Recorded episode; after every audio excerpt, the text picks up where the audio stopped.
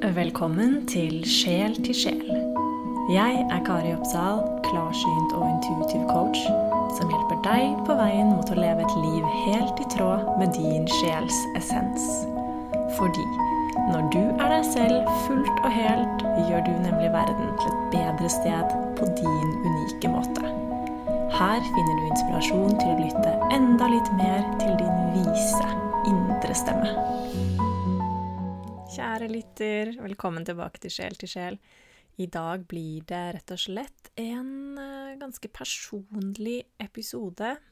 Jeg har lyst til å dele med dere hva jeg har vært igjennom de siste månedene, hvordan jeg har det nå, og mm, ja, en liten livsoppdatering, rett og slett. Hvis du eh, er med på nyhetsbrevet mitt, så vet du allerede at min nye businessstrategi for denne høsten er kroppen først. Helsa først. Fordi businessen min er meg, og jo bedre jeg har det, jo bedre går også businessen min. Det er jeg helt overbevist om. Og så er det veldig fort gjort å tenke at uh, alt handler om det tekniske og det praktiske og alt som skal gjøres og sånn. Og ja, det gjør på mange måter uh, det, men om vi ikke har oss selv på plass, om vi ikke har helsa på plass, så uh, har ingenting noen ting å si. Vi må ha med oss selv, og vi må ha med helsa. Så denne våren her har jeg følt at helsa har skranglet litt. Jeg har hatt flere runder med sykdom, som er ganske unormalt for meg. Eh, jeg har hatt veldig verkende muskler og ledd, eh, feber, og det er akkurat som at det har kommet tilbake en gang i måneden. Eh, jeg har jo vært i Costa Rica, så jeg jeg eh, trodde jo kanskje at jeg hadde fått en eller annen rar jungelfeber, denguefeber. Jeg tenkte at jeg kanskje hadde fått covid igjen. Uh, og jeg har fortsatt ikke funnet ut av hva det er. Men um, nå er jeg i hvert fall i gang med å rense opp i systemet mitt, komme inn igjen i gode treningsvaner. Nå som jeg er i Oslo, så um, ja, bruker jeg tiden på å komme ordentlig inn i gode vaner og en god struktur. For eh, det er akkurat som at både livet mitt og businessen min rett og slett har fløtet Flytt Hva heter det?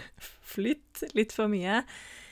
Jeg er utrolig feminin i min feminine flow noen ganger. Jeg jobber jo bare med intuisjon, ikke sant. Og når jeg ikke har et maskulint eh, system eller en struktur i hverdagen min, så begynner alt bare å flyte dere, og så kan jeg begynne å banke meg selv opp i tankene mine om at jeg ikke fikk gjort det jeg egentlig hadde lyst til å gjøre, eh, og så videre.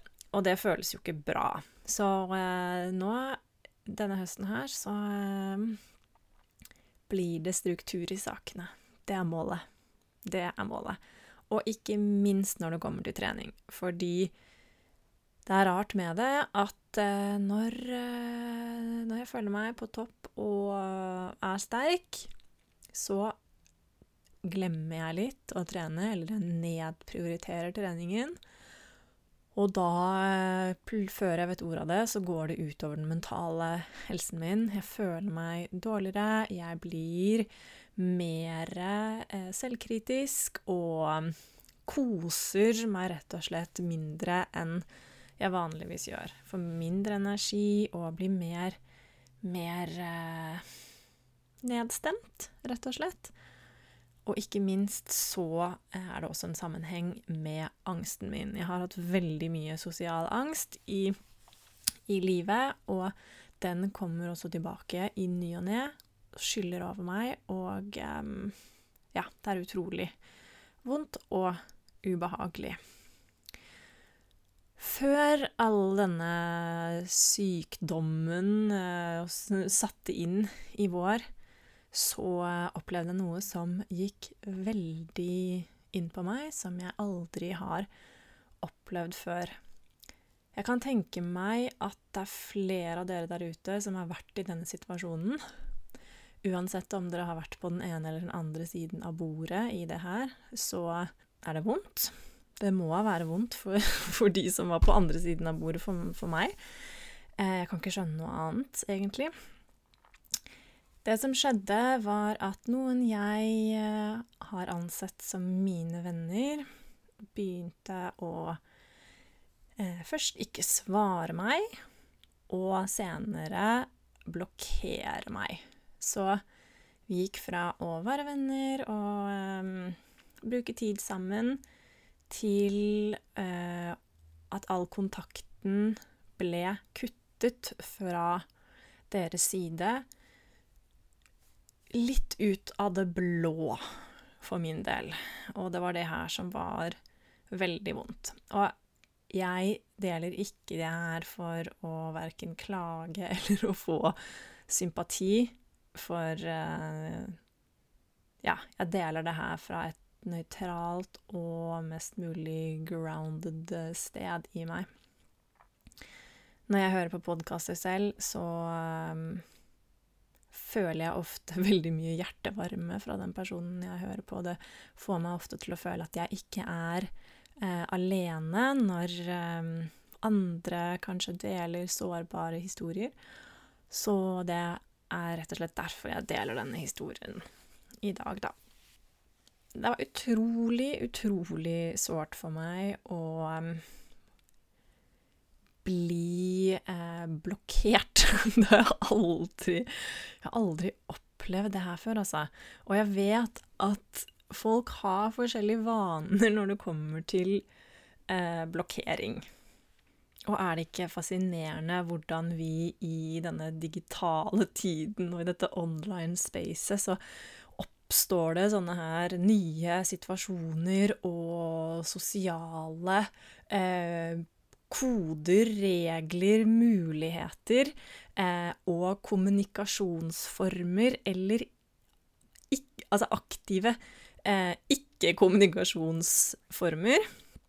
Vi kan velge å blokkere, velge å stenge ut, velge å unfollowe, velge å rett og slett bare fjerne oss fra dette digitale spacet, da. Så, så min opplevelse var at uh, jeg da selvfølgelig ble fjernet fra det digitale spacet og, liksom, og kommunikasjonskanaler, og også i eh, det fysiske spacet, da. Så um, og som en uh, people pleaser som jeg har vært vant til å være gjennom hele livet mitt, så var dette utrolig forvirrende for meg. Jeg gikk inn i tankespinn og tankelooper for å prøve å finne ut av hva som hadde skjedd. Og, um, for jeg fikk jo ikke noe svar fra den andre parten. Så jeg begynte å tenke, ikke sant. Jeg ble så um, Jeg begynte å ransake meg selv, og jeg ble også så um, redd på mange måter. Sånn.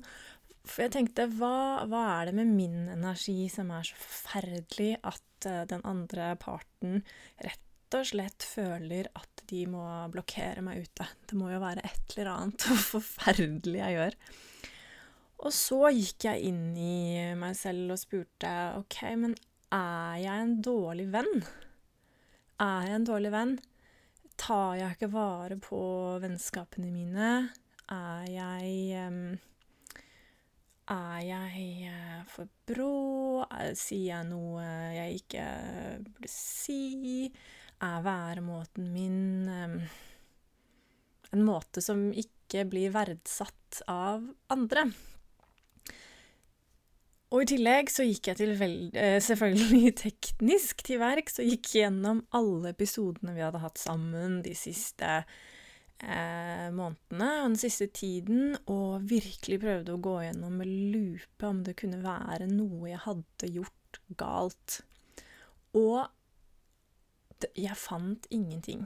Det var ingenting i det jeg hadde gjort som i hvert fall i min verden er eh, Hadde vært nok til å eh, kutte meg ut fra livet, for å si det sånn. Så, eh, og jeg konkluderte med at jeg rett og slett hadde operert eh, i dette vennskapet som jeg opererer i mine andre vennskap. Men jeg ble så usikker av dette her at jeg begynte å spørre de andre vennene mine er jeg en dårlig venn. Er det, hva, er det noe med meg? Vær så snill. Vær så snill, si det. Kommuniser med meg hvis det er noen ting. Og jeg hadde også noen helt nydelige episoder med vennene mine eh, hvor vi lovet hverandre å alltid kommunisere. Og alltid kommunisere med hverandre hvis det var noen ting, og, og eh, alltid sette ord på ting, da. Så eh, faktisk så denne episoden her fikk meg til å for det første sette pris på alle de vennene jeg har, sette pris på vennskapene mine og mine nære, dype relasjoner. De siste to eh, årene, eller to og et halvt årene, har jeg fokusert enormt mye på businessen min, og um, det går utover helsa, ikke sant? Og det går også utover relasjoner, familie og, og um, kanskje det som er det viktigste i livet, da. Når folk ligger på dødsleiet, så er det flere ting de angrer på. Dette her kom, henter jeg fra The Five Top Regrets of the Dying. Nummer én anger på dødsleiet er at uh, de skulle ønske at de eh, levde et liv som var i tråd med det de selv ville, og ikke bare mm, levde ut ifra det de trodde var forventet av dem. Og eh, nummer to, mest vanlige anger på dødsleiet, er at eh, man ikke har holdt kontakten med venner og bekjente. Så jeg fikk meg rett og slett en liten vekker når det kommer til vennskap og relasjoner, og eh, ikke minst så um, setter jeg nå enda mer pris på vennene mine. Jeg setter alltid pris på dem, men jeg tar dem kanskje enda litt mindre for gitt enn jeg har gjort før. Det er helt åpenbart i denne situasjonen her, da, som jeg var i, at uh, jeg og uh, den andre siden, disse andre personene og personen, ikke er en naturlig god match. Fordi når jeg ubevisst da sannsynligvis har såret gang på gang på gang, uten at jeg selv har vært klar over det. Det er jo forferdelig å såre noen uansett, men det er også forferdelig å såre noen når man ikke er klar over at man gjør det. Og så er det jo også forferdelig eh, vondt for den på andre siden å bli såret eller trigget, men å ikke sette ord på det. Konklusjonen her er vel egentlig at jeg har eh, vært meg selv med alle mine positive sider og alle mine eh, sider som helt klart eh, Der hvor jeg helt klart har eh, forbedringspotensial, ikke sant? Eh, og de sidene forholder jeg meg til ganske avslappet i meg selv, og jeg blir heller motivert av dem enn å, at det lar meg eh, stresse meg. Jeg føler meg trygg nok i min kjerne nå til å, å se på det jeg ikke føler er um, mine, mine, beste sider, da. Og så prøve å gjøre noe med det. Prøve å endre vaner, eller prøve å endre mønstre, og, og, hvordan jeg oppfører meg, måten jeg kommuniserer på. Ikke sant. Ja, det føler jeg meg ganske avslappet til, da. Så konklusjonen er vel eh, som sagt at eh, det bare har ikke vært en naturlig god match når eh, mennesker som opererer da, tydeligvis litt på forskjellige må måter, eller har en annen måte å kommunisere på, eller ikke, um, ikke har lyst til å kommunisere, eller ikke sant det er, det er, så mange måter vi opererer på. Men når dette ikke funker sammen, så er det kanskje like greit å bare lukke kapitlet og gå videre. Vi er så redd for de metaforiske eh, dødene og endingene i livet. Men sannheten er jo at det er jo noe av det mest naturlige i hele verden, dette her med sykluser, liv, død. Når vi sier ha det til noe, så åpner vi jo opp plass for noe annet, og sånn er det jo for både meg og den andre parten i denne situasjonen at eh, nå har begge parter åpnet opp for nye vennskap og nye fine ting til å komme inn i livet. Og en annen ting er også at når vi øver oss på å sette grenser, som den andre parten øh, jo åpenbart har gjort her da, i denne saken, har satt en solid, solid grense um, når vi øver oss på å sette grenser, så blir det ofte litt sånn awkward. Jeg ordlegger meg i hvert fall ganske eh, rart og awkward noen ganger når jeg prøver å sette grenser. Og eh, det er rett og slett bare fordi at vi, vi trenger å øve. Så den personen her og disse personene her um, har, uh, går, går, gjennom sin egen reise, og jeg går min, gjennom min egen reise. Og det var helt ekstremt sårt, altså, dere. Det var som å, å uh, Ja, at et teppe ble dratt under, vekk fra under beina på meg. En trygghet som jeg følte at jeg hadde, forsvant fra livet mitt, og at jeg satt igjen forvirret, og at eh, alt hang litt i løse lufta, og at eh, jeg ikke fant Jeg fant ikke noe svar noe sted, da.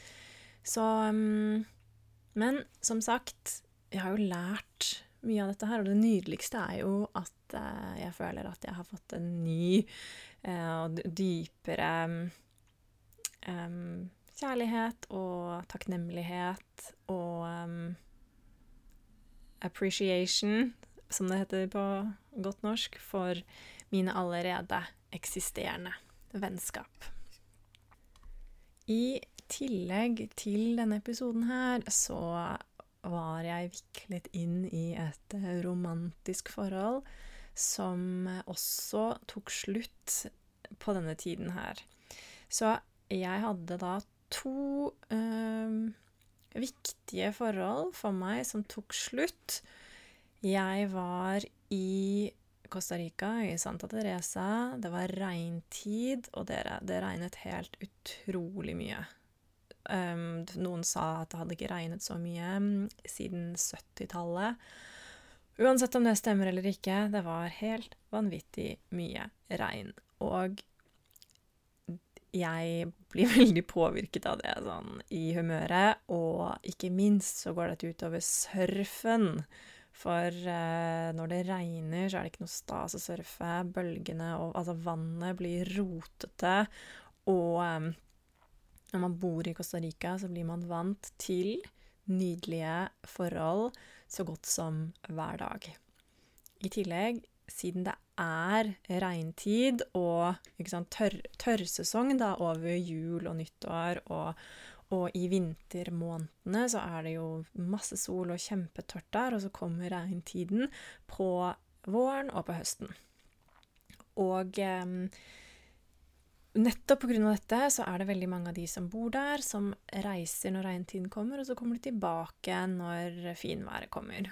Og eh, jeg eh, skjønner jo hvorfor. jeg skjønner hvorfor de drar. Så jeg satt egentlig i Costa Rica og var litt lost, og så begynte jeg å bli syk. Så da kom disse feberne, og da kom denne, denne uh, kroppsvondten, og jeg var på surf Jeg dro uh, på surfetur, uh, kjørte langt nedover kysten, endte opp med å ikke kunne ta en eneste bølge. Jeg lå bare inne og var syk og måtte bli passet på av kompisen min. Og jeg måtte utsette programmene mine, utsette klientene mine, uke etter uke. Og um, når vi er syke, åh, så går jo også hjernen inn i så mye forskjellig rart, og det går utover den mentale helsa. Så jeg har rett og slett brukt eh, en stund, jeg, på å komme meg tilbake i senter. Og uh, følt meg litt sånn uh, vasket til siden, litt sånn um, forvirret dette kjærlighetsforholdet jeg var i også, eh, da gikk jeg inn i noen gamle vaner hvor jeg rett og slett trosset meg selv, satte meg selv til side, og det tærer på Det tærer på hele systemet. Det var helt utrolig koselig å komme hjem til venner og familie her, og til norsk sommer. Helt fantastisk. Og eh, jeg har nå begynt å mm, Jeg leser en fantastisk bok som heter 'Becoming the One', som handler om å heale um, sin attachment style. Dette er kjempespennende hvis du føler at du har litt sånn ubalanse i kjærlighetsforholdene dine, eller at du ikke eh, dater riktige personer, så anbefaler jeg deg å lese denne boka. Den heter, ja, heter 'Becoming the One', og den er skrevet av Hun har et litt sånn langt, vanskelig navn. Sheila Ailana, eller et eller annet sånt noe. Hun eh, står bak Instagram-kontoen Rising Woman. Så bare finn henne og sjekk ut boka hvis du vil. Der er det jo eh, snakk om å hile sitt indre barn, og eh, det er det jeg har fokusert på nå denne sommeren her. Eh, både sammen med familien min, og jeg har også vært sammen med min eh, guddatter de siste, den siste uka på fjellet.